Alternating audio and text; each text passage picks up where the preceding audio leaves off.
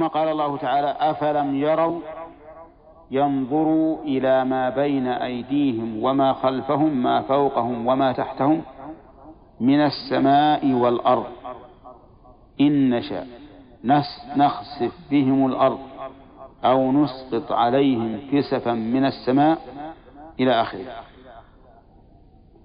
الاستفهام هنا للتهديد. يعني أن الله هدد هؤلاء الذين كذبوا النبي صلى الله عليه وسلم في قوله إنهم سيوعدون. هددهم بأحد أمرين بالخسف أو إسقاط الكسف أي القطع من العذاب من فوقهم. وإنما ذكر الفوق والتحت لأنه لا يمكن الفرار منهما. أما اليمين والشمال والخلف والأمام فيمكن الفرار. لو جاءك عدو من الخلف أمكنك أن تفر إلى الأمام. ولو جاءك من الأمام أمكنك أن تفر إلى الخلف. لكن إذا جاء من أسفل إلى أين تذهب؟ تقفز ما تستطيع. وإذا جاء من فوق أين تذهب؟ لا تستطيع. لهذا هددهم الله تعالى بأمرين لا يمكنهم الفرار منهما. وقول المؤلف ينظر أفلم ينظروا فسرها آه نعم فسر يروا بمعنى ينظروا والأولى أن تكون شاملة للرؤية البصرية التي بمعنى النظر والرؤية القلبية التي بمعنى العلم. والتفكر. يعني أن الله عز وجل يحثهم على أن يتفكروا حثا يراد به التهديد. فالرؤية هنا شاملة لرؤية النظر بالعين ورؤية القلب بالتفكر وقوله إلى ما بين أيديهم وما خلفهم فسرها المؤلف أيضا ما فوقهم وتحتهم.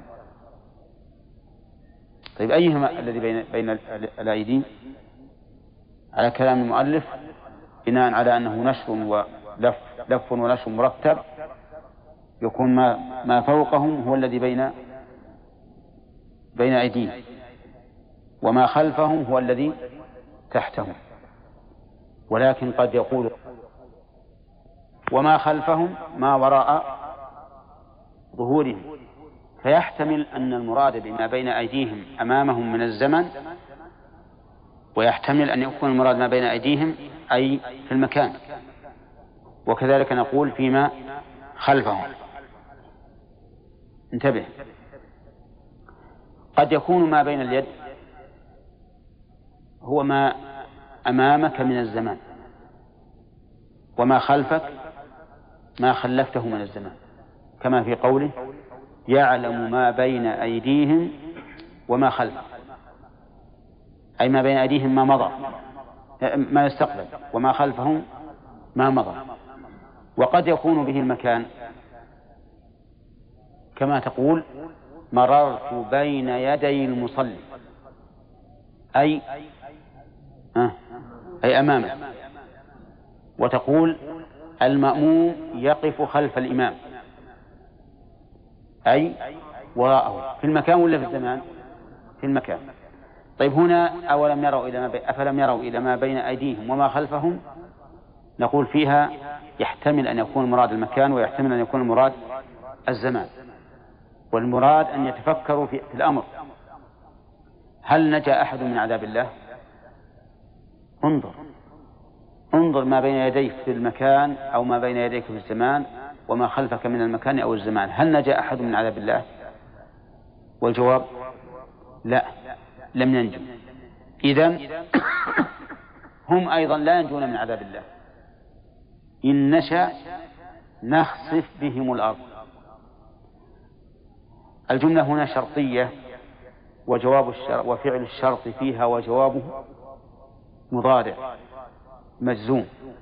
إن نشأ نخسف وقولها أو نسقط معطوفة على نخسف يعني و أو إن نشأ نسقط عليهم كسفا قال المؤلف في القراءة بسكون السين وفتحها قطعة. يعني أن فيها قراءتين سبعيتين. سكون السين كسفا. أو كسفا بفتح السين. ويجوز القراءة فيهما جميعا.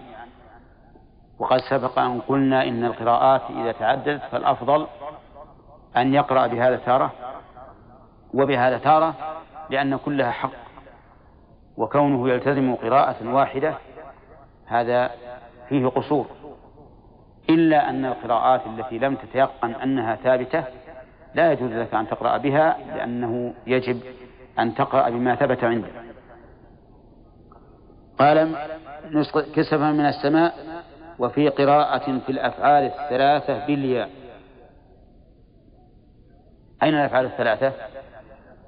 يشاء ونخسف ونسقط بالياء فيقال إن يشاء يخسف بهم الأرض أو يسقط عليهم كسفا من السماء.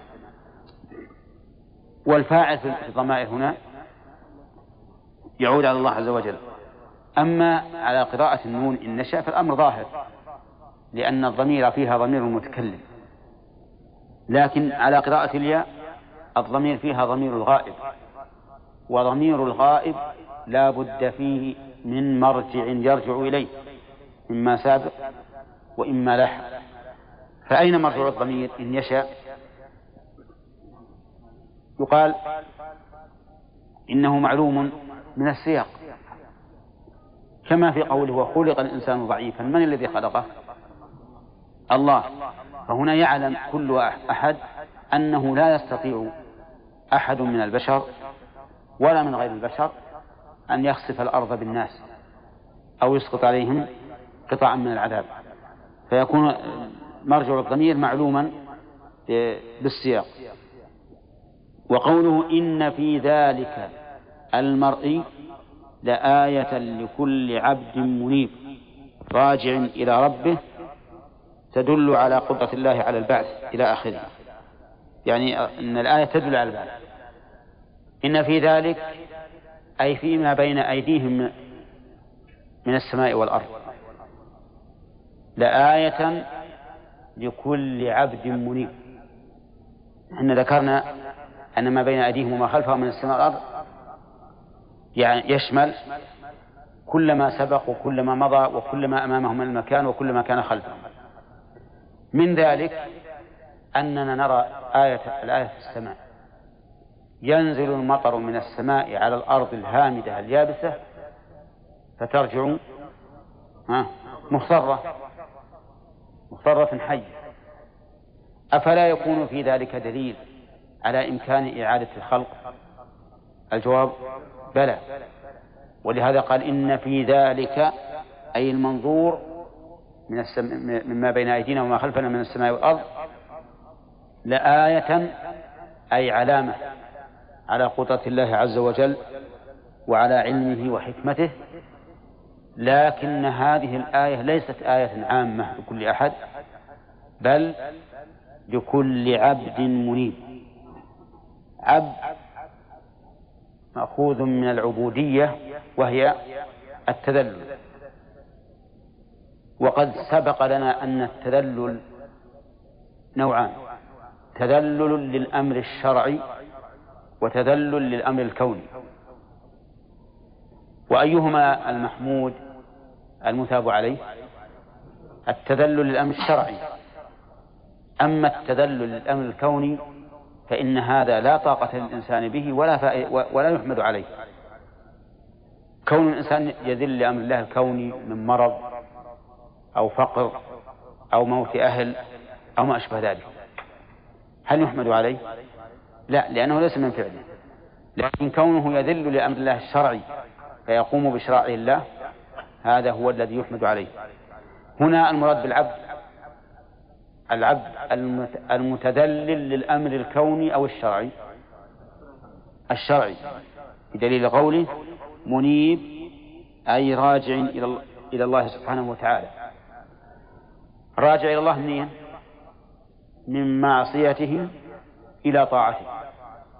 فيشمل القائم بالعبادة ولو بدون أن يذنب ويشمل التائب من الذنب.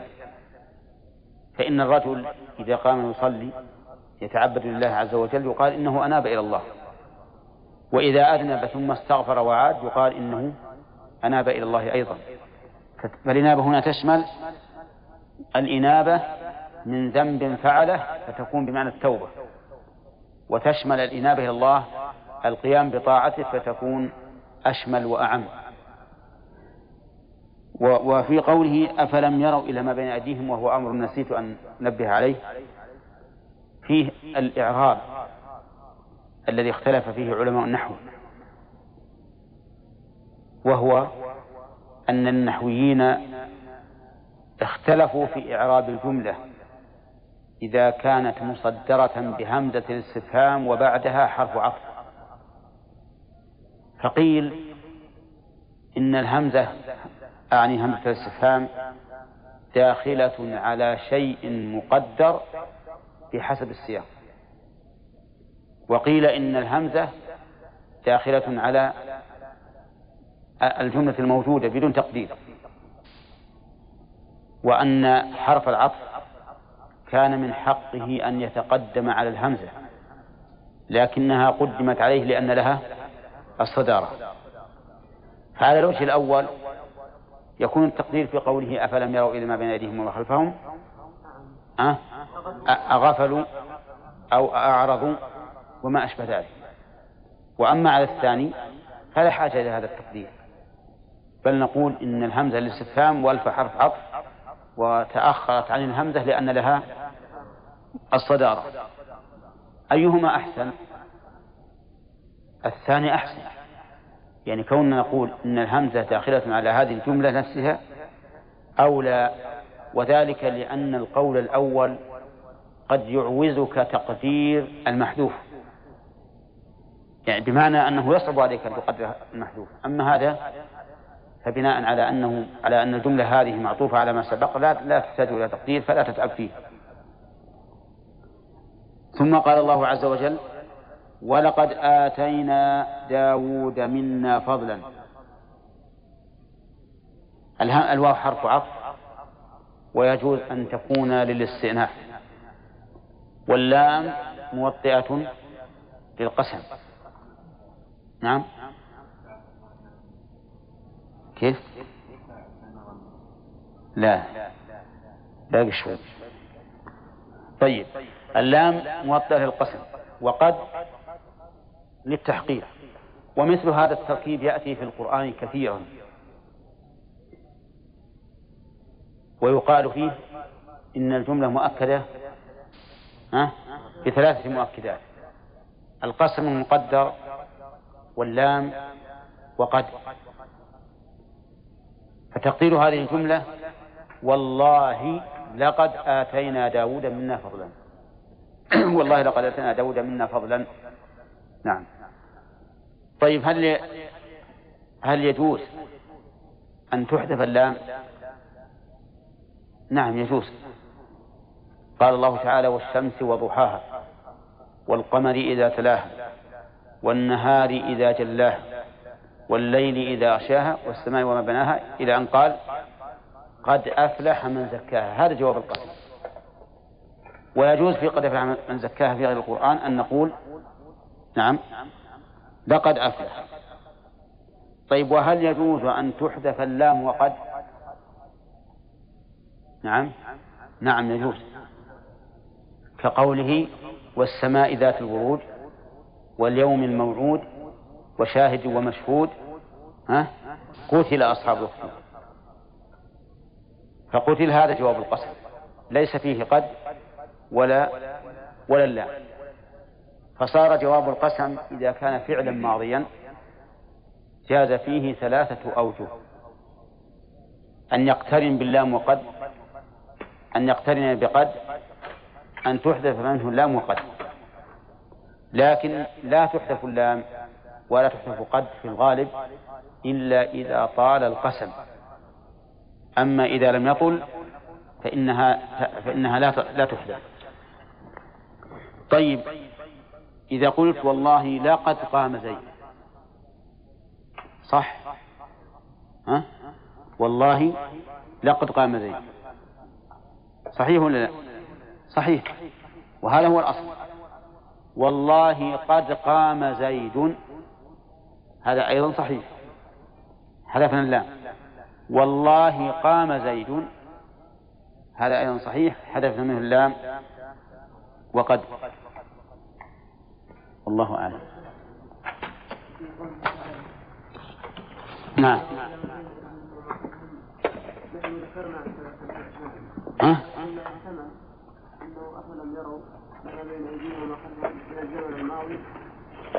نعم نعم. لكنهم قيد في اخر الايه يقول من السماء والارض لا يكون دليل على ان افلم يروا إلى الآيات التي في السماء والأرض لا حتى الايات التي في السماء والارض فيها سابق وفيها وفيها حاضر. فيها سابق وفيها حاضر. حتى في مرة كما قال أفلم يسيروا في الأرض؟ فينظروا كيف كان عاقبة الذين من قبلهم. وهذا كثير في القرآن. يحث الله عز وجل أن ننظر إلى ما مضى حتى بالزمن لقد كان في قصصهم عبرة لأولي الألباب. نعم. حتى في السماء الآن. يعني إحنا الآن ننظر كيف خلق الله السماء. وقضاهن سبع سماوات في يومين هذا عبرة. كيف السماء نفسها فيها آيات تبقى وفيها آيات تزول.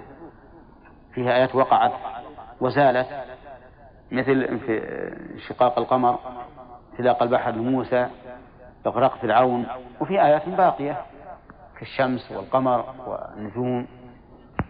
نعم.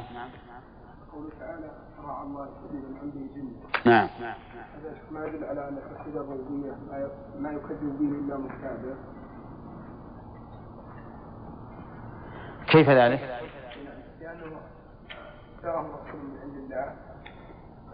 وقالوا وقالوا هل افترى على الله كذبا أي انكر الرسول واقروا من الله سبحانه وتعالى. ونقول أن ما ما إيه هذه هم المشركون كانوا يقرون بالربوبية. ما ينكرون بأن الله تعالى رب خالق ومالك لكن ينكرون البعث. وسيأتي إن شاء الله في الفوائد أن قصدهم من إنكار البعث. ليس معناها الشك في قدرة الله لكن من أجل أن لا يلزموا بالعمل بطاعة الله. يعني نقول كيف أننا نبعث ونجازى هذا ما هو صحيح. من فوائد الآية الكريمة وقال الذين كفروا هل ندلكم إلى آخره؟ أن النبي صلى الله عليه وسلم دعا إلى الإيمان باليوم الآخر من أين تؤخذ؟ من قوله ينبئكم إذا مزقتم كل ممزق إنكم لفي خلق جديد ومن فوائد الآية الكريمة بيان عتو الكافرين واستعلائهم واستكبارهم حيث عبروا بهذا التعبير ساخرين بما أخبر به النبي صلى الله عليه وسلم. ومن فوائدها نعم. ووجه علو استكبارهم أولا السخرية بهذا النبأ والثاني تحقير النبي صلى الله عليه وسلم والثالث وصفه بأنه لا تخلو حاله من أحد أمرين إما كاذب وإما مجنون. هذه ثلاث أوجه كلها تدل على علو هؤلاء الكافرين واستكبارهم وعنادهم. ومن فوائد الآية الكريمة بيان ما حصل للنبي صلى الله عليه وسلم من الأذى وأنه صبر لأن لأن أمرا يصل إلى هذا الحد في الاستخفاف به والاستهانة بخبره. لا شك أنه يؤثر على نفسه تأثيرا بالغا. وأعتقد أن صاحب الدعوة إذا أوذي بمثل هذا الإيذاء كان أشد عليه من أن يضرب ويحبس. ومن فوائد الآية الكريمة بيان قدرة الله عز وجل حيث يعيد هذا الخلق بعد أن يتمزق كل تمزق. لأنه ظاهر من قولهم ينبئكم إذا مزقتم كل ممزق. ومن فوائدها أن الكافرين الذين كفروا برسول الله صلى الله عليه وسلم كانوا يقرون بالله. من أين تؤخذ؟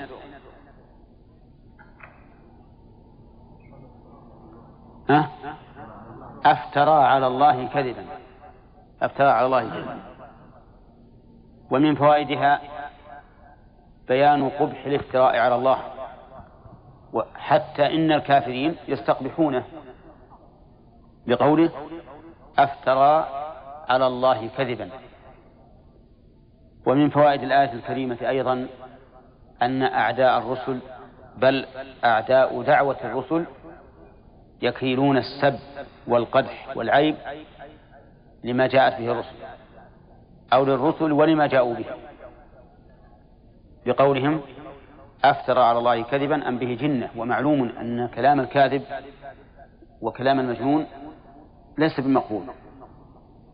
فهم يأتون بعبارات التشويه والتقبيح حتى لا يقبل الحق.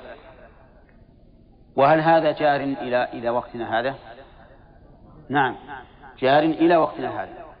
لأن أعداء دعوة الرسل لا يزالون إلى يوم القيامة ولكن على أتباع الرسل أن يصبروا وألا يثني عزمهم مثل هذا الكلام لأنهم على الحق. نعم كما قال الله تعالى إنك على الحق المبين. ومن فوائد الآية الكريمة بيان أن الله عز وجل تكفل ببيان الحق وإظهاره وإبطال الباطل واندحاره. لقوله تعالوا هنا يا جماعة لا كلكم من الجهاد تعالوا تعالوا مع الجهاد. آه، لقوله بل الذين لا يؤمنون بالآخرة في العذاب والضلال البعيد. ومن فوائدها أيضا أن الكفر يوجب عدم قبول الحق والاهتداء به. تؤخذ من قوله في العذاب والضلال البعيد وفي للظرفية ومعناه أن الضلال محيط بهم من كل جانب. ولهذا قال الله تعالى ونقلب أفئدتهم وأبصارهم كما لم يؤمنوا به أول مرة ونذرهم في طغيانهم يعمهون. فإذا لم يؤمن الإنسان بالحق بقي في ضلال. والشاهد على هذا كثير الشواهد على هذا كثيرة. استمع إلى مثل هذه الآية وإلى قوله تعالى بل كذبوا بالحق لما جاءهم فهم في أمر مريج. يعني مضطرب مختلف. فكل من كذب بالحق فإنه لا يزداد إلا ضلالا. حتى لو جاءته الآيات البينات الظاهرات فإنه لا ينتفع بذلك. وأما الذين في قلوبهم مرض نعم فزادتهم إيش؟ رجسا إلى رجس وماتوا وهم كافرون مع أنها آيات بينات واضحات ومن فوائد الآية الكريمة وجوب النظر والاعتبار. اللي بعدها قصدي.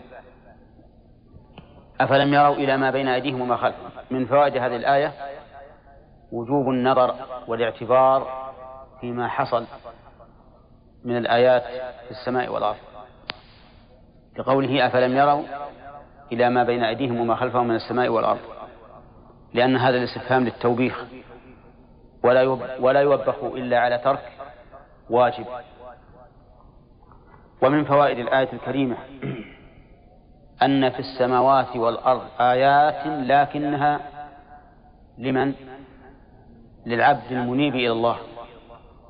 وأما من لا يريد الإنابة إلى ربه فإنه لا ينتفع بهذه الآيات حتى لو رآه ونظر فيها وفكر فإنه لا ينتفع. ومن فوائد الآية الكريمة إثبات المشيئة لله. لقوله إن نشأ نخسف بهم الأرض. ومن فوائدها أيضا أن ما يحصل من الخسف والزلازل والنوازل فإنه بإذن الله عز وجل عقوبة للعباد واعتبارا.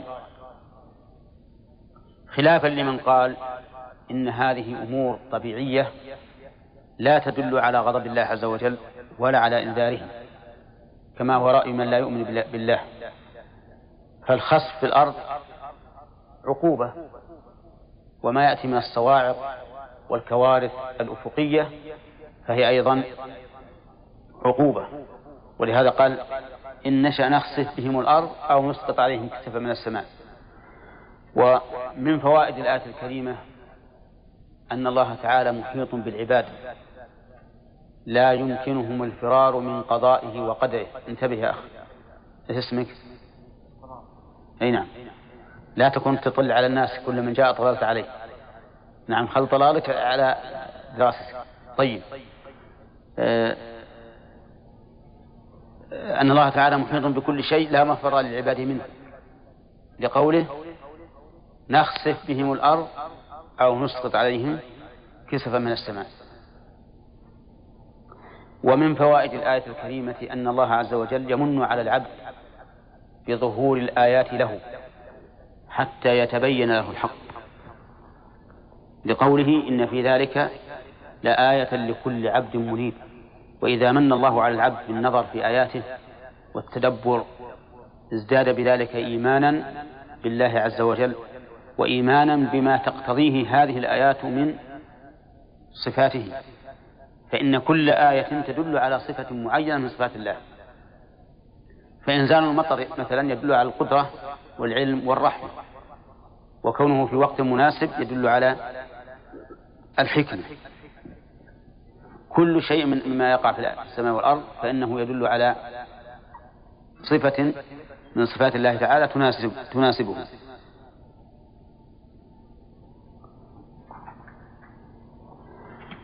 طيب ومن من فوائد الآية الكريمة أن في السماء والأرض آيات عظيمة لمن نظر وتدبر.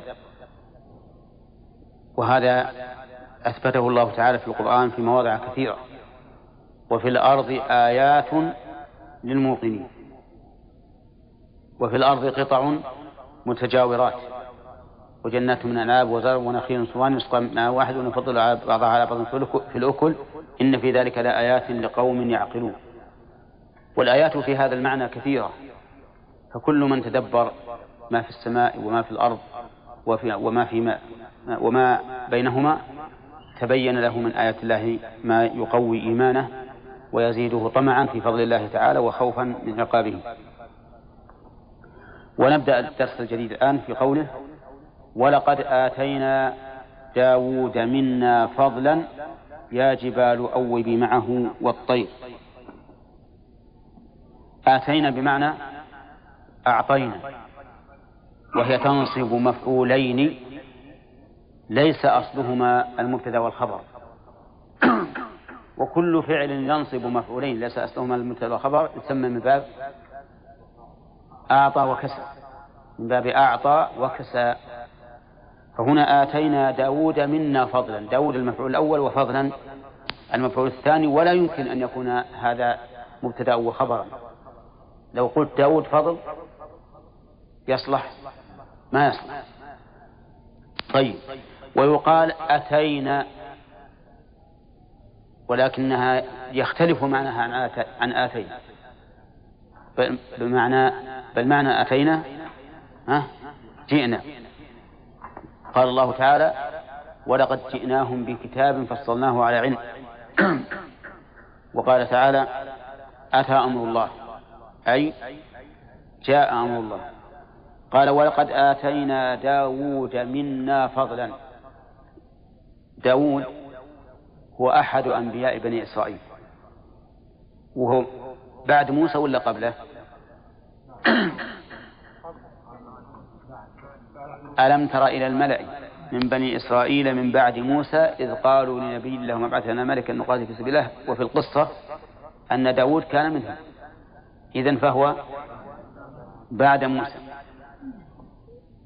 وهو نبي من الأنبياء. وقد أنكرت اليهود لعنة الله عليهم كونه نبيا. ووصفوه بأنه ملك. وقد كذبوا في ذلك فإنه كان نبيا من أنبياء الله الذين يجب علينا أن نؤمن بهم ولا يتم إيماننا إلا بالإيمان بهم لأن أركان الإيمان كما نعلم الإيمان بالله وملائكته وكتبه ورسله وهو أيضا رسول لأن كل نبي ذكر في القرآن فهو فهو رسول. قال ولقد آتينا داود منا فضلا منا. فبدأ بالجهة قبل الفضل ليتبين عظم ذلك الفضل لأن الشيء إذا نسب إلى جهة عظيمة كان ذلك كان عظيما كما في قوله في الحديث الصحيح واغفر لي مغفرة من عندك وارحمني من عندك. فأضافها إلى الله حتى يتبين بذلك عظمه عظمها. آتينا داود منا فضلا نبوة وكتابا. وهذا الذي فسر المؤلف الآية به من باب التمثيل فإن الله أعطاه النبوة والرسالة أيضا وأعطاه الكتاب. قال الله تعالى وآتينا داود زبورا. وهل أعطاه شيئا آخر غير هذا؟ نعم. ولهذا نكر كلمة فضل. جاءت منكرة لتشمل كل ما أعطيه من فضل. سواء كان ذلك دينيا أو دنيويا. وكان داود عليه الصلاة والسلام من أحسن الناس صوتا وترنما بالذكر. حتى إن الله عز وجل أمر الجبال أمرا إما كونيا وإما شرعيا. قال قال لها يا جبال أوبي معه. أوب بمعنى رجع. ومنه الأواب أي ها؟ أي الرجاء إلى الله. ومنه آب يؤوب أوبا بمعنى رجع. فأوبي معه أي رجعي معه. والترجيع معناها أن تردد. الصوت الذي يقوله.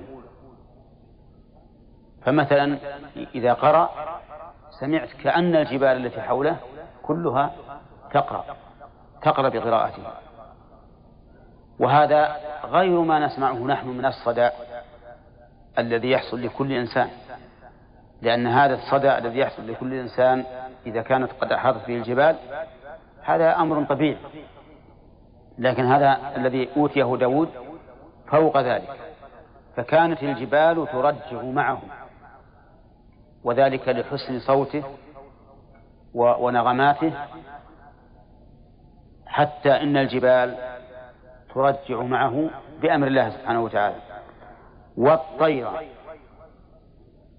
الطير يقول بالنصب عطفا على محل الجبال. كيف؟ يا جبال هذه منادى ولا لا؟ مبني على الضم في محل نصب.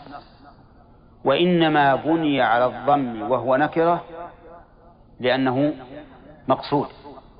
والنكرة المقصودة بمعنى العلم. النكرة المقصودة بمعنى العلم. فلهذا بنيت على الضم. لو تجون هنا يا جماعة عشان يكون التفاتي سواء. طيب الطير لو عطفت على اللفظ يا جبال ها؟ لكانت مرفوعة مبنية على الضم. لكنها عطفت على محل الجبال وهو النصب. يعني وكذلك أمر الله الطير بأن تسب بأن ترجع معهم. فكانت الطيور في جو السماء تقف عند سماع قراءة داود عليه الصلاة والسلام وترجع معه. ترجع. وأنت إذا تصورت هذا الأمر وأن رجلا يقرأ الزبور بذلك القراءة والنغمات الجميلة ثم الطيور من فوق تسبح والجبال لا شك أنه مشهد عظيم ورهيب. كل شيء يقرأ بقراءة هذا الرجل. بأمر من؟ بأمر الله عز وجل. وقوله وألنا له الحديد ألنا له الحديد فكان في يده كالعجين. ألنا له الحديد أي جعلناه لينا بيده حتى إنه كالعجين في يد أحدنا. وهل المراد أن الله ألان ألانه له بالوسائل التي تلين الحديد سخرت له وهيئت له أو أن الله ألان له الحديد بغير السبب المعلوم؟ يرى بعض الناس أنه أنه الأول.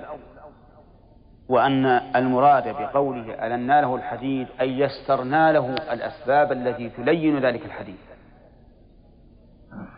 لأن تيسير الأسباب لا شك من نعمة الله. أرأيت لو أنك تريد أن أن تعكف صيخا من الحديد. وعندك نار ضعيفة. تتعب في ذلك. ولا لا؟ لكن لو كان عندك نار قوية جدا كان في خلال دقائق قليلة يلين هذا الحديث كما تشاء فيرى بعض العلماء أن المراد من تليين الحديد لداود تيسير الأسباب التي يسرع بها لينه.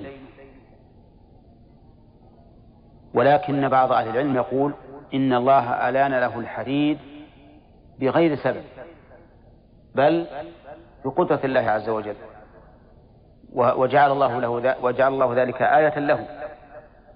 كما جعل الله عصا موسى إذا نزلت في الأرض صارت حية وإذا رفعها صارت عصا في آن واحد في لحظة واحدة. فالله على كل شيء قدير. والذي جعل الحديد صلبا قادر على أن يجعله لينا. وعندي أن هذا أقرب أقرب إلى المعنى. أولا لأن الله قال ألنا له. فجعل التليين مضافا إليه إشارة إلى أن لين هذا الحديث بمجرد القدرة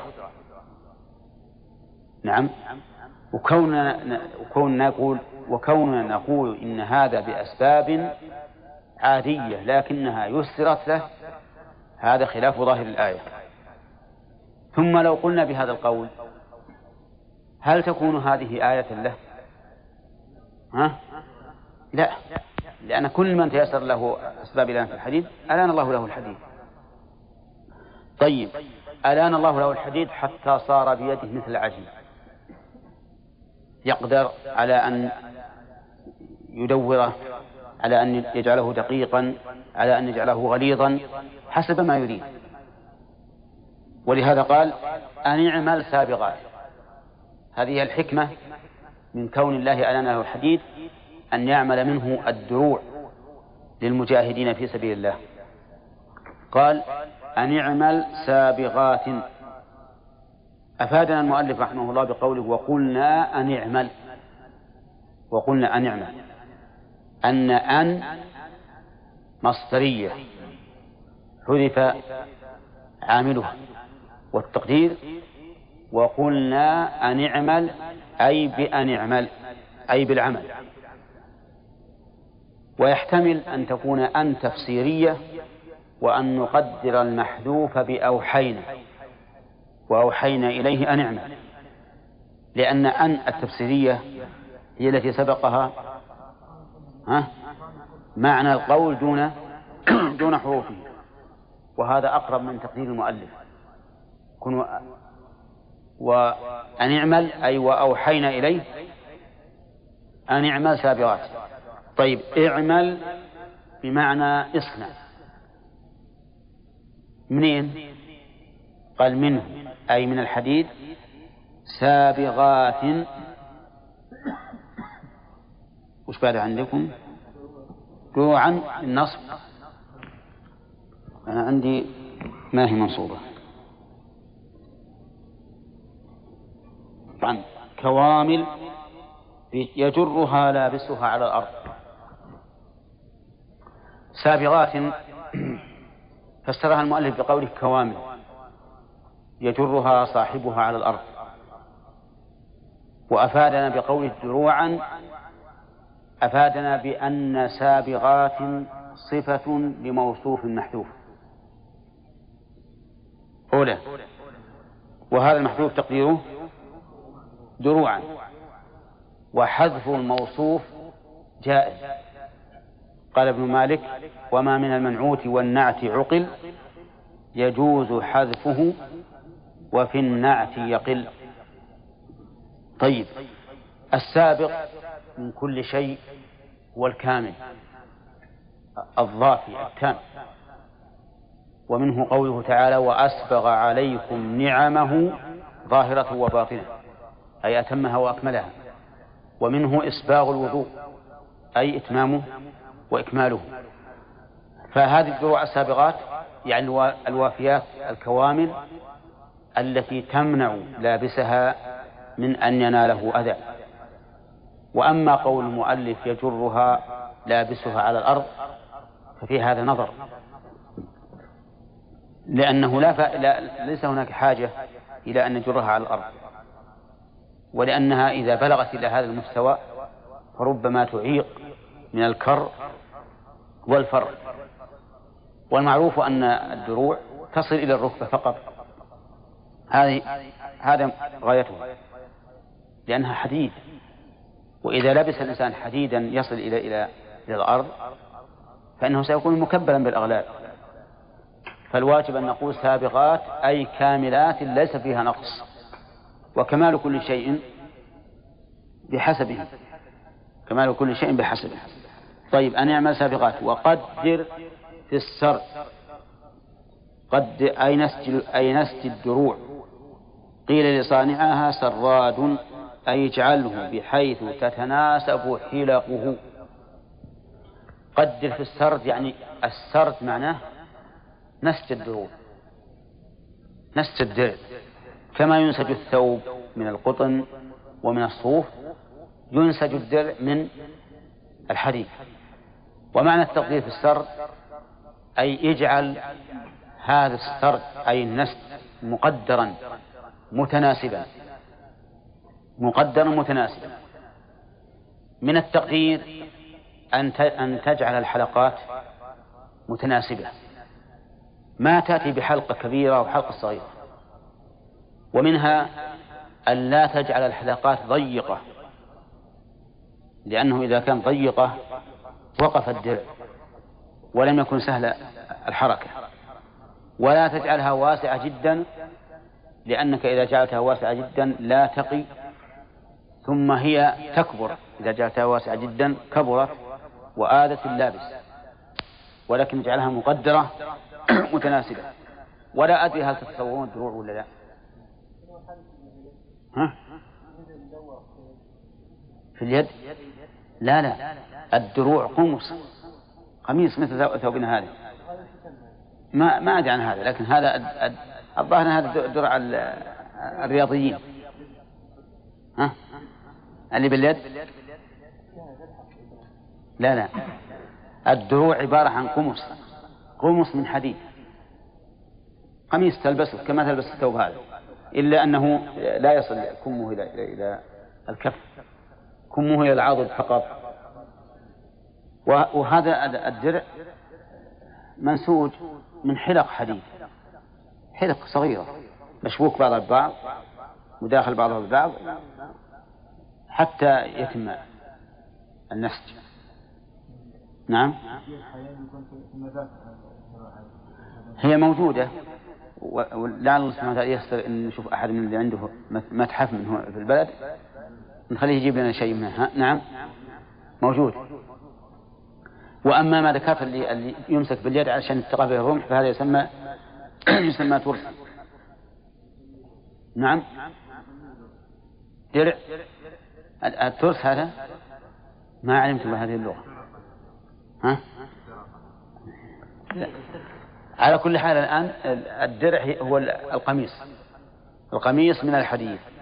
طيب وقدر في السرد. ما معنى التقدير في السرد الآن؟ أن تكون الحلقات متناسبة وأن لا تكون ضيقة ولا ولا واسعة. لأنها إذا لم تتناسب فإنها تؤذي. تكون صغيرة وقت كبيرة وإذا كانت واسعة فإنها تؤذي وقد لا تقي السهام. وإذا كانت ضيقة ها فإنها لا تتحرك لا تتحرك كما ينبغي ويثقل على اللابس.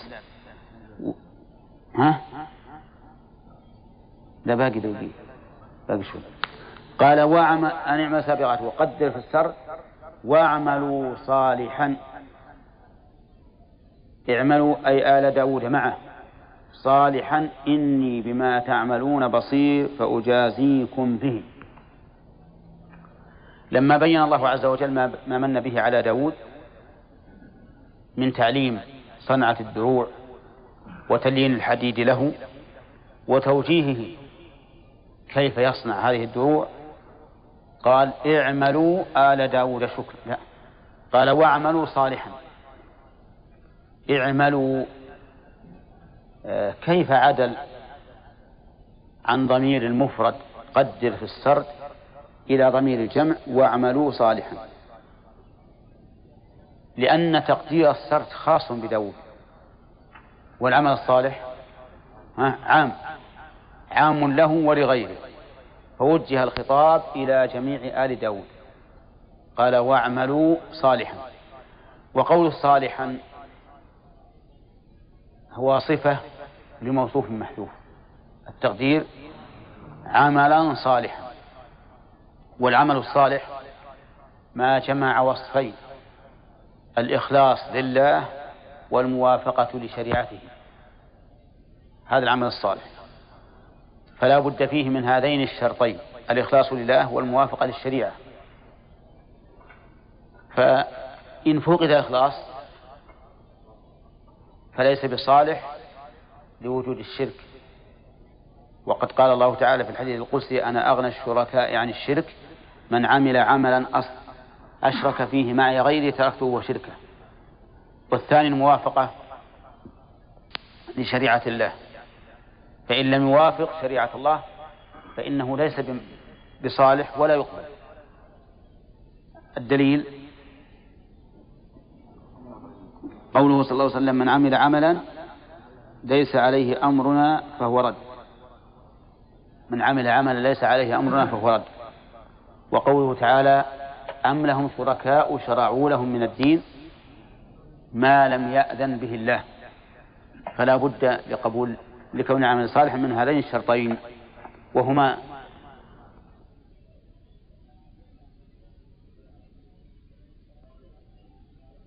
وأعمال نعم وأعمال صالح. إني بما تعملون بصير. إني بما تعملون بصير. هذه الآية فيها تقديم وتأخير. وش التقديم؟ وش التقديم؟ وش التقديم بصير آه، بصير هو المؤخر والمقدم المعمول المقدم المعمول فإن قلت من القواعد المقررة أن تقديم المعمول يدل على الحصر أليس كذلك؟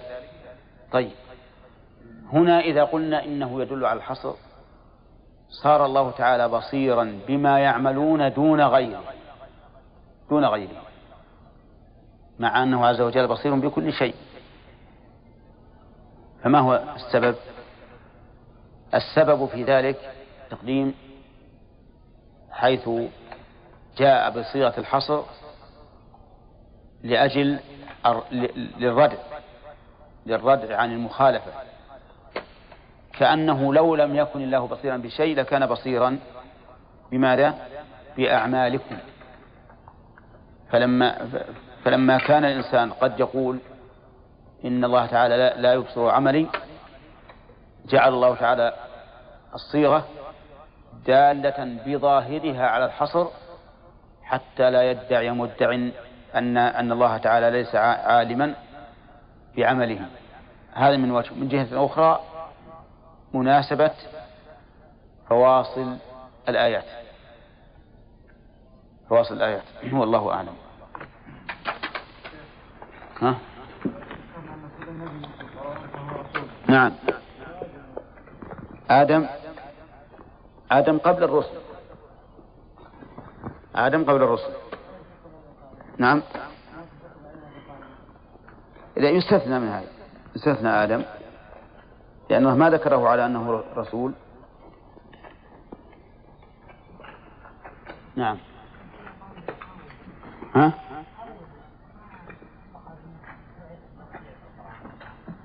هذه تأتي إن شاء الله في الفوائد. ها؟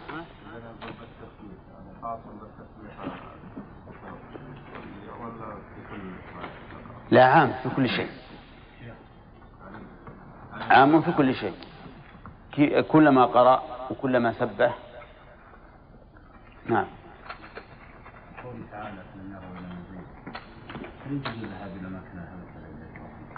لا. لا يجوز الدخول إلى إلى مكان العذاب إلا بشرط أن يكون الإنسان باكيا. قال النبي عليه الصلاة والسلام فإن لم تكونوا باكين فلا تدخلوها. نعم.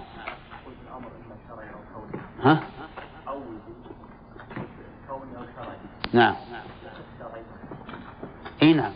يصح لأن لأن الله سبحانه وتعالى اذا إذا أمرها على سبيل لأنها تسبح بحمد الله تعبدا لله عز وجل وتذلل له. يصح. وسيأتي إن شاء الله البحث فيه في الفوائد.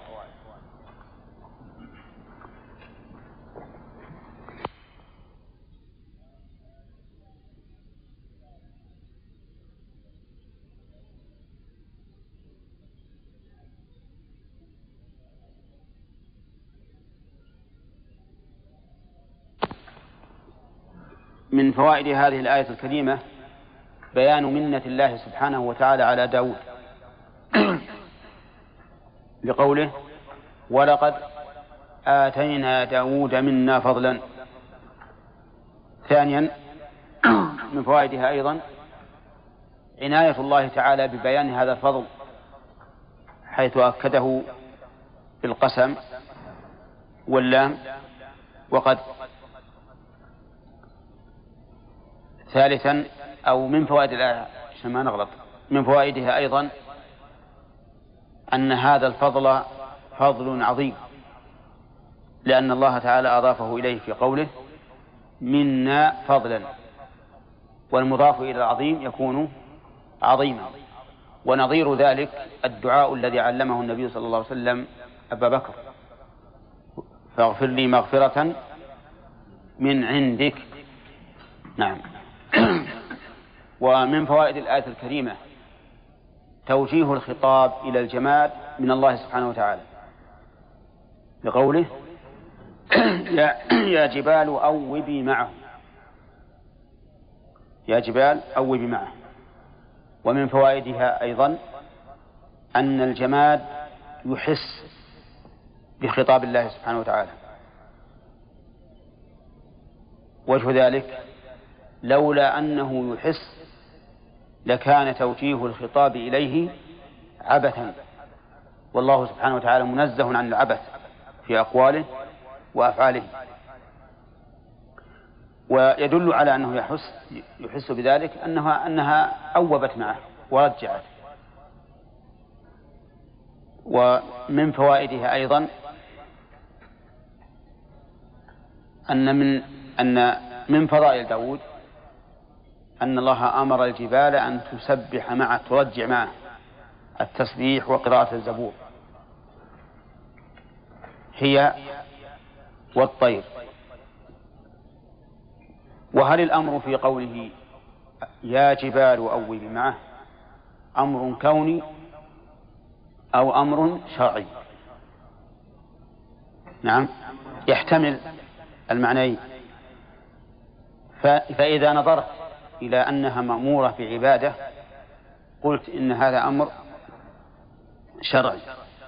وإذا نظرت إلى أن هذه الجبال لو فرض أنها عصت هل تعاقب؟ نعم. الله أعلم ربما تعاقب وربما لا تعاقب لأنه ليس لها عقل تدرك به كما يدرك بنو آدم. قلت إنه أمر كوني. وللتخلص من هذا من هذين الاحتمالين نقول إن الله أمر الجبال أن ترجع معه. ولا نقول أمرا كونيا ولا أمرا شرعيا. ومن فوائد الآية الكريمة ظهور آية الله عز وجل في تمام القدرة حيث ألان الحديد لداود لقوله وألنا له الحديد وهذه الإلانة ليس لها سبب حسي معلوم لأنه لو كانت بالأسباب المعروفة لم يكن فرق بين داود ها وغيره. نعم. هذا هو الصحيح. وإن كان بعض العلماء يقول ألنا له أي هيأنا له الأسباب التي بها يلين الحديد ولكننا هيأنا له أسبابا عظيمة قوية لا تحصل لغيره. ومن فوائد الآية الكريمة أن الحديد بطبيعته قاس ولا لا؟ وهو كذلك. لولا أن الله يلينه بما جعل من الأسباب ما انتفع الناس به. ولكن الله تعالى يلينه بما فعله بما جعله من الأسباب التي تلينه حتى ينتفع الناس به. وهل هو وهل هو أقسى أم الحجارة؟ ها؟ الحجارة. ولهذا لا تلين الحجارة بالنار. والحديد يلين بالنار.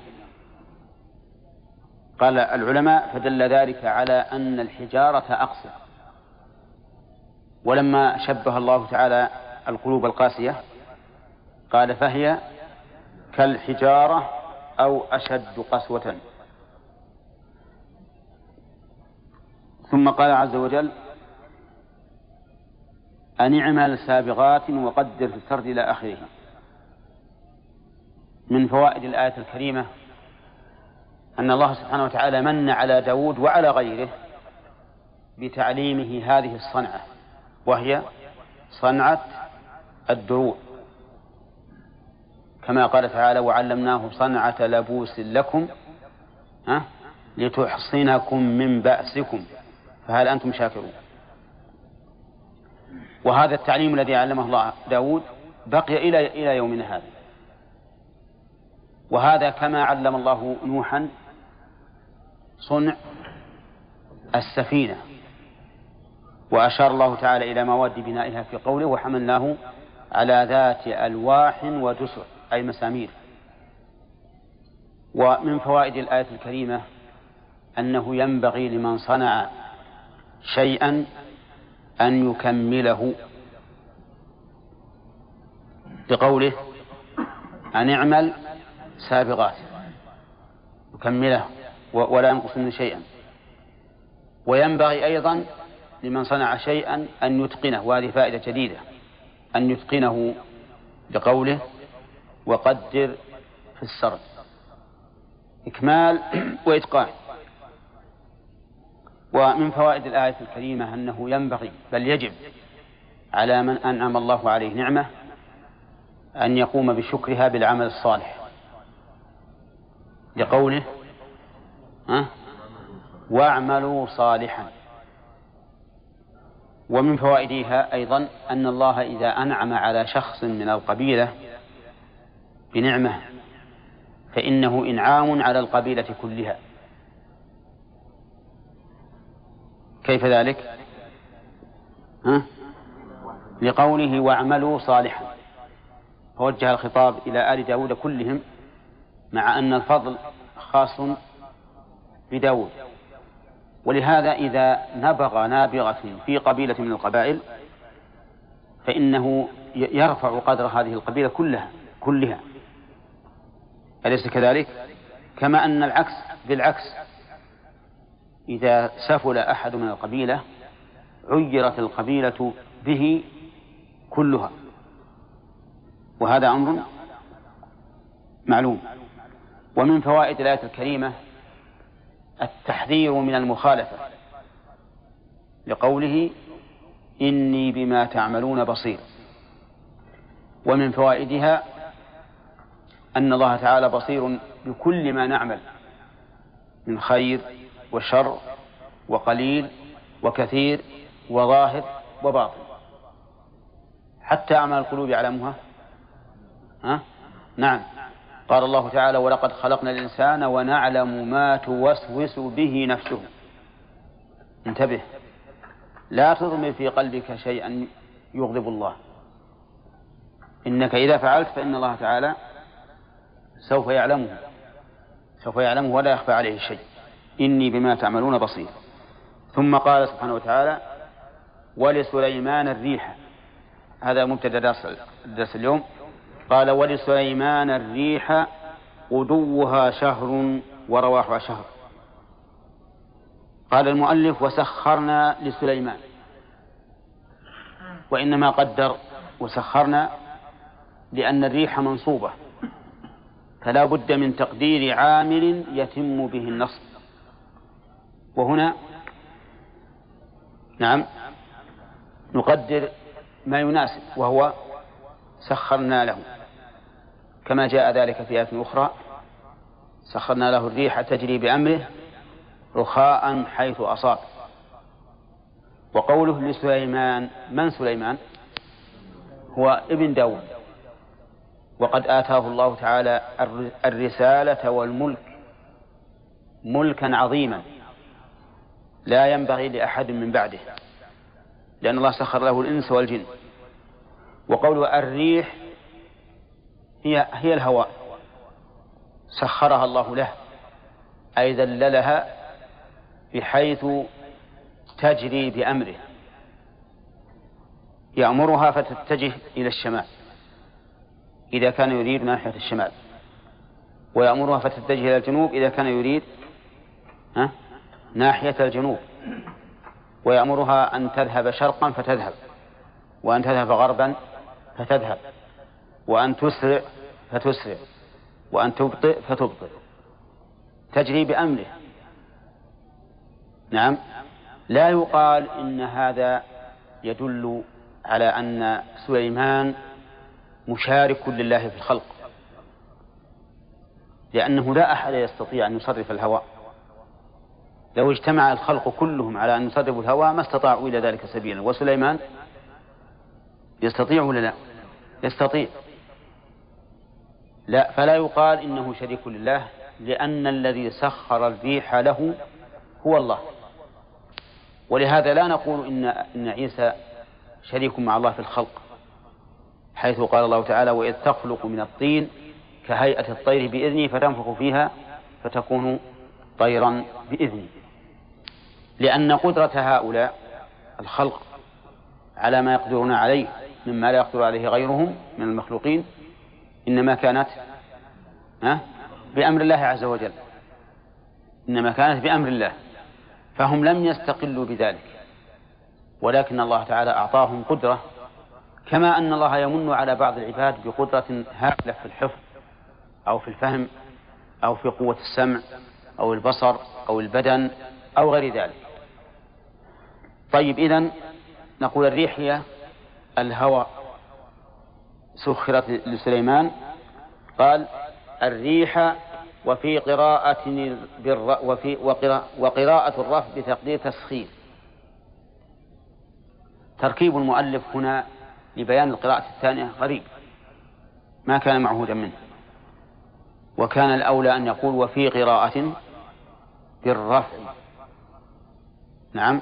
على تقدير تسخير. هذا هو الأولى. لأن الآن قوله وقراءة الرفع لم نستفد هل هذه القراءة سبعية أو شاذة. لأن المعهود أنه يقول في السبعية وفي قراءة. وفي الشاذة يقول قرئ. وهنا يقول وقراءة الرفع ما ندري. لكن على كل حال القراءة سبعية. فيها قراءة ولسليمان الريح غدوها شهر. كيف نعرب الريح على هذه القراءة؟ يقول إنها مبتدأ مؤخر وأصل الكلام تسخير الريح فحذف المضاف وأقيم المضاف إليه مقامة وأضيف المقام المضاف إليه مقامة. وابن مالك يقول وما إلى المضاف يأتي خلف عنه في الإعراب إذا ما حذف أي لسليمان تسخير الريح. ولو قال قائل ولسليمان الريح لو قال قائل إن الريح مبتدأ بدون تقدير لم يكن بعيدا. ويكون معنى كون الريح له أنها إيش؟ مسخرة له. فيكون له التصرف فيها. غدوها شهر ورواحها شهر. غدوها مسيرها من الغدوة من الغدوة بمعنى الصباح إلى الزوال شهر ورواحها سيرها من الزوال إلى الغروب شهر أي مسيرة شهر. نعم. أي مسيرته. الريح سخرها الله له. إذا إذا سارت به من الصباح إلى الزوال فهي مسيرة شهر بسير الإبل. شهر بسير الإبل. وعلى هذا فإنها تكون سريعة. رواحها شهر. فيستطيع أن يذهب إلى مكان مسيرته شهر ويرجع إلى بلده في نفس اليوم. لأن لأن غدوها نعم شهر ورواحها شهر. ومع ذلك فقد وصفها الله تعالى بأنها عاصفة ولكنها غير مؤثرة. ولسليمان الريح عاصفة تجري بأمره رخاء حيث أصاب. فهي سريعة لكنها غير مزعجة. لكن كيف يطير في الريح؟ قال العلماء إنه يضع بساطا بساطا معتادا عاديا ويجلس هو وحاشيته عليه. ثم يأمر الريح فتطير بهم بهذا البساط. والله سبحانه وتعالى على كل شيء قدير. ولا عادة أن يكون الإنسان مع حاشيته على بساط ويرتفع العادة أنه يسقط. هذه العادة. ولكن الله سبحانه وتعالى على كل شيء قدير. هل يمكن أن نقول إن قانون الطيران بالطائرات الحديثة مبني على هذا؟ ولا ما يمكن؟ ها؟ وليش ما يمكن؟ يعني مرات يخالف الهواء. اي ما يخالف لكن وش اللي يحملها ويدفعها؟ لا هواء هواء عظيم. هواء عظيم. ولهذا لو كنت وراها وهي تمشي تشيلك فهي لا يحملها إلا الهواء إي نعم. وهي حديث. وثقيلة. وعليها ناس. وعليها عفش. نفس المراوح هذه والاندفاع هذا فيها هواء شديد. في هواء شديد. ولذلك شوف الآن كيف كيف تنضبط إذا نزلت إلى الأرض بسبب الهواء. إذا نزلت إلى الأرض ففيها في مؤخرها عند الشكمان فيها يعني حديدة تنعكس هكذا علشان إنك ترد الهواء ما تندفع الطائرة فالمهم أن يعني قانون الطيران مبني على هذا على الهواء مبني على الهواء الذي تولده هذه المولدات. طيب يقول غدوها شهر ورواحها شهر. هل هي بسرعة الطائرة ولا لا؟ لا أصل أقل من الطائرة. أولى لأن الطائرة تذهب مسير شهر بأقل من الغدو. السيارة أسرع من السيارة لا. أسرع من السيارة لا شك. يبقى علينا هذا هذا المرور السريع. عادة إذا لم يكن هناك حجاب يمنع من عصف الهواء أن الهواء يعصف بالراكب حتى يسقط. ولا لا؟ لأن الآن فهمنا أنه دون الطائرة هو فوق السيارة. والسيارة كما تشاهدون إذا كانت حوض إذا كانت حوض تعصب يعصب الهواء بالإنسان ويقلقه. لكن الله تعالى بين في آية أخرى أن هذه الريح تكون رخاء. ما فيها إزعاج ولا فيها قلق. قال الله تعالى أيضا من مما من الله به على سليمان وأسلنا له عين القطر. أسلنا أذبنا له عين القطر أي النحاس. هذا أيضا قد يكون أبلغ مما أوتيه داود. لأن داود قال الله له ألنا له الحديد أما هذا فأسال الله له عين القطر يعني فجر له عينا من النحاس. تسيل. كما يسيل الماء. مع أنها نحاس. وهذا دليل على كمال قدرة الله عز وجل. لأن المعروف أن النحاس معدن جامد. فجعله الله تعالى لسليمان عينا سائلة كأنها الماء. ولهذا قالوا أسلنا له عين القطر. وقوله عين القطر يدفع ما قيل إن سليمان كان يذيب النحاس. يذيب النحاس فيسيل. كما أن الرصاص كما تشاهدون الآن الرصاص إذا أذبناه ها يصير سائلا كالزئبق. فنقول لا. بل إن الله يقول أسلنا له عين عين القطر. فجعل هذا عينا يندفع من الأسفل ويسير. ونحن نعلم أن الله سبحانه وتعالى خالق الأشياء جامدها ومائعها.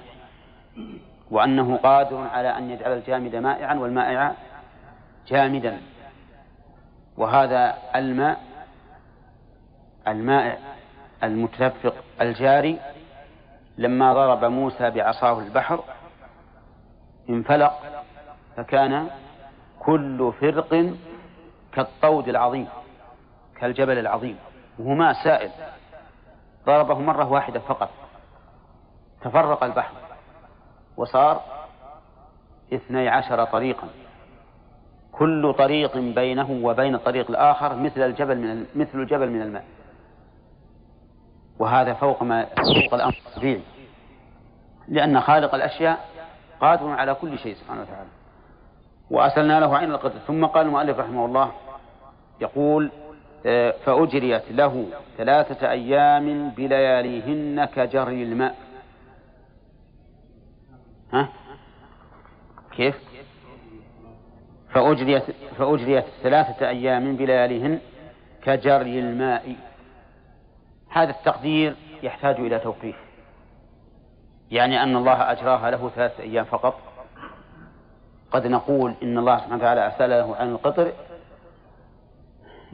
يتصرف فيها كما يشاء.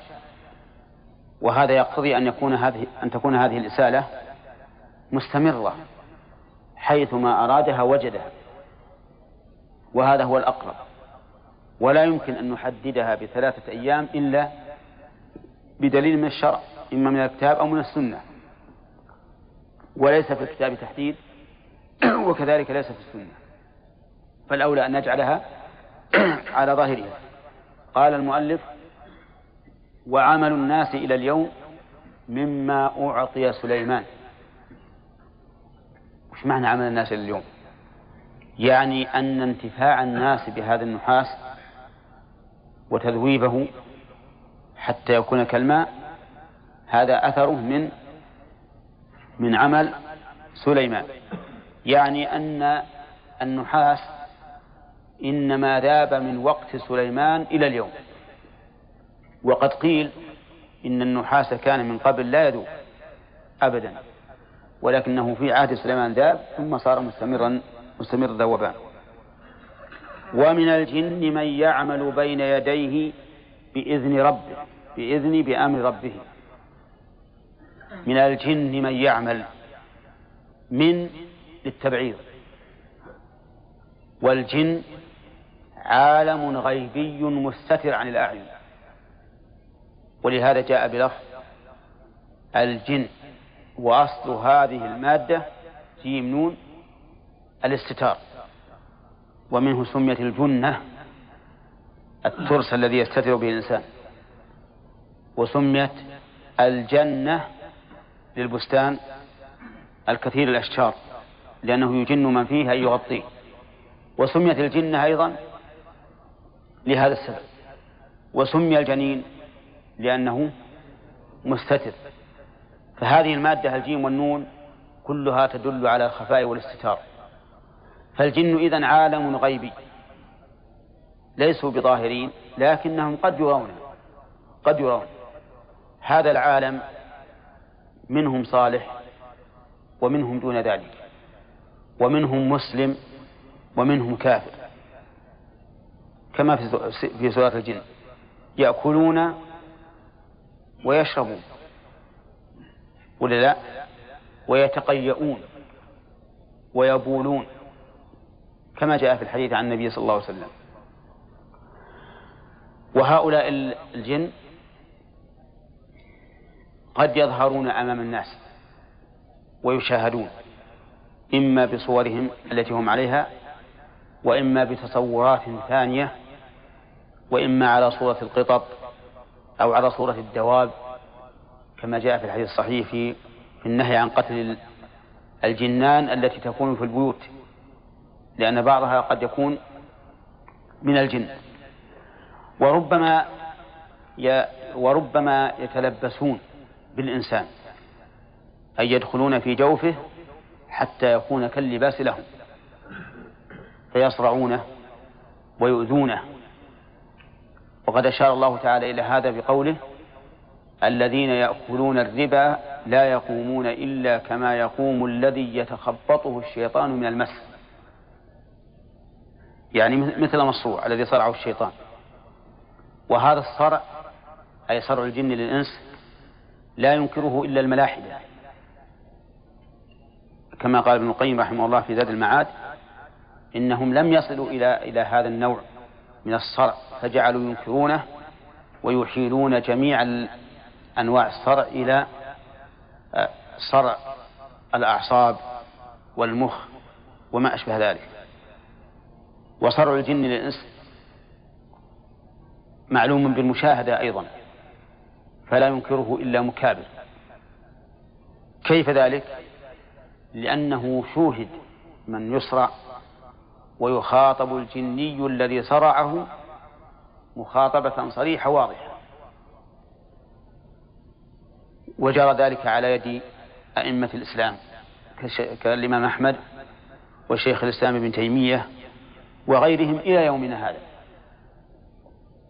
جيء مرة بمصروع إلى شيخ الإسلام ابن تيمية رحمه الله. فوعظ الجني الذي صرعه ونصحه وقال له اخرج. وقال إني لا أخرج. إني أحبه وكانت امرأة التي صرعته صرعت الرجل امرأة. قالت إني أحبه. فقال شيخ الإسلام لكنه لا يحبك. فقالت إني أريد أن أحج به. كيف؟ تحمله إلى مكة. فقال إنه لا يريد لا يريد, لا يريد أن يحج معك. ثم وعظها فلم تتعظ ثم ضربها شيخ الإسلام ابن تيمية. جعل يضربها على رقبة هذا المصروع يقول حتى تعبت يدي. من الضرب. فقالت أنا أخرج كرامة للشيخ. فقال لا تخرجي كرامة لي. أخرجي طاعة لله ورسوله. فخرجت على أن لا تعود. فأفاق الرجل. لما أفاق قال ما الذي جاء بي إلى حضرة الشيخ؟ ما الذي جاء بي إلى حضرة الشيخ؟ يعني شيخ الإسلام تيمية. فقيل له إنه قد فعل كذا وفعل كذا. قال والله ما أحسست بشيء من هذا. والله ما أحسست بشيء من هذا لا أني خاطبته ولا أنه ضربني. وهذه القصة ذكرها ابن القيم في زاد المعاد عن شيخه وابن القيم ثقة وشيخ الإسلام كذلك ثقة. وقد ورد ذلك عن الإمام أحمد مثل ذلك عن الإمام أحمد. إذا الجن نقول في تعريفهم عالم غيبي مستترون على الإنس وربما يظهرون ومنهم صالح ودون ذلك ومنهم قاسط ومنهم مسلم ويأكلون ويشربون ويبولون ويتقيؤون. كل هذا ثبت ثبت في القرآن وفي السنة. نعم. طيب يقول ومن الجن من يعمل بين يديه؟ من؟ بمعنى الذي يعمل بين يديه فهي اسم موصول. وما محلها من الإعراب؟ يحتمل أن يكون محلها الرفع على أنها مبتدأ مؤخر وخبره من الجن. ويحتمل أنها في محل نصب. نعم. يعني وسخرنا له من الجن من يعمل بين يديه. وأيهما أولى؟ نحن ذكرنا قاعدة أنه إذا دار الأمر بين التقدير وعدم التقدير ها؟ فعدم التقدير أولى. لأنه الأصل الأصل أن الكلام لم يحدث منه شيء. وعلى هذا فنقول من الجن جار ومجرور خبر مقدم ومن يعمل مبتدأ مؤخر.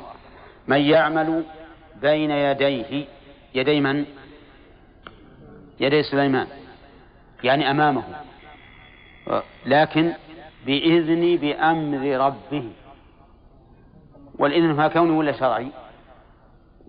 الإذن؟ ها؟ لا كوني. بإذن الله الكوني. يعني أن الله سخر الجن يعملون بين يدي سليمان بإذنه بأمره. الكوني. وقد يقال إنه إذن شرعي بدليل قوله ومن يزغ منهم عن أمرنا نذقه من عذاب السعير قال ومن يزغ يعدل وقيل يمل يمل أي يميل. وهذا أقرب. ومنه زاغت الشمس أي مالت. عن وسط السماء.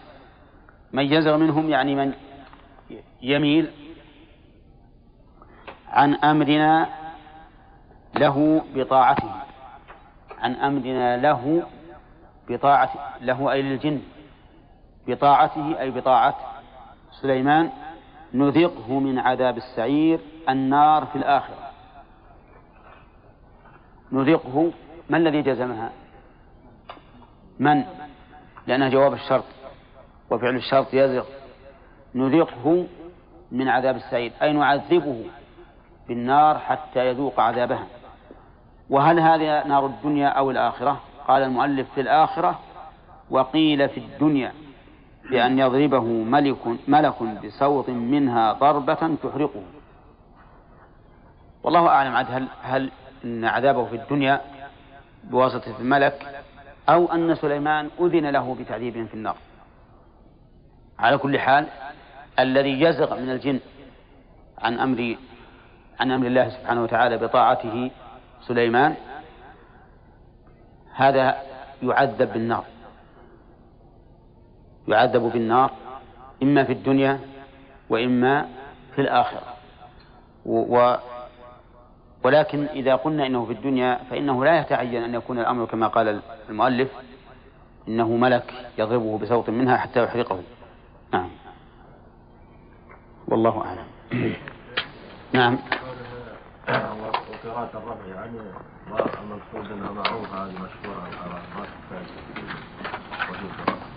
يعني المعروفة المؤلف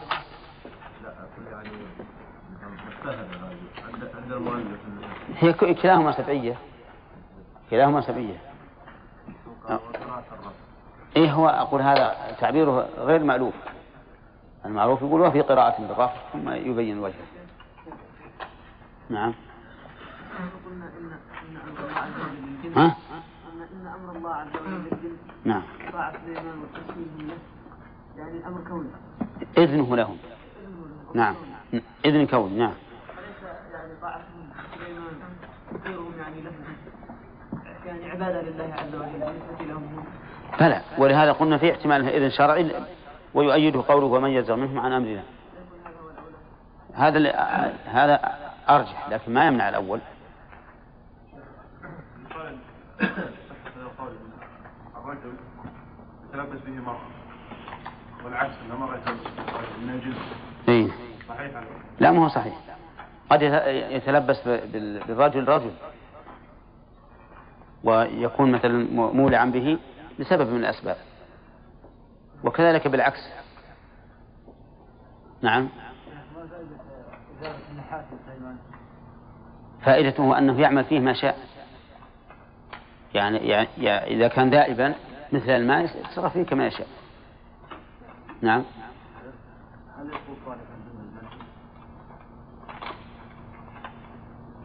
طيب. أما تقرأ آخر الرحمن؟ أسألك. آخر رحمن اقرأ من ولمن خاف ولمن خاف مقام ربه جنتان.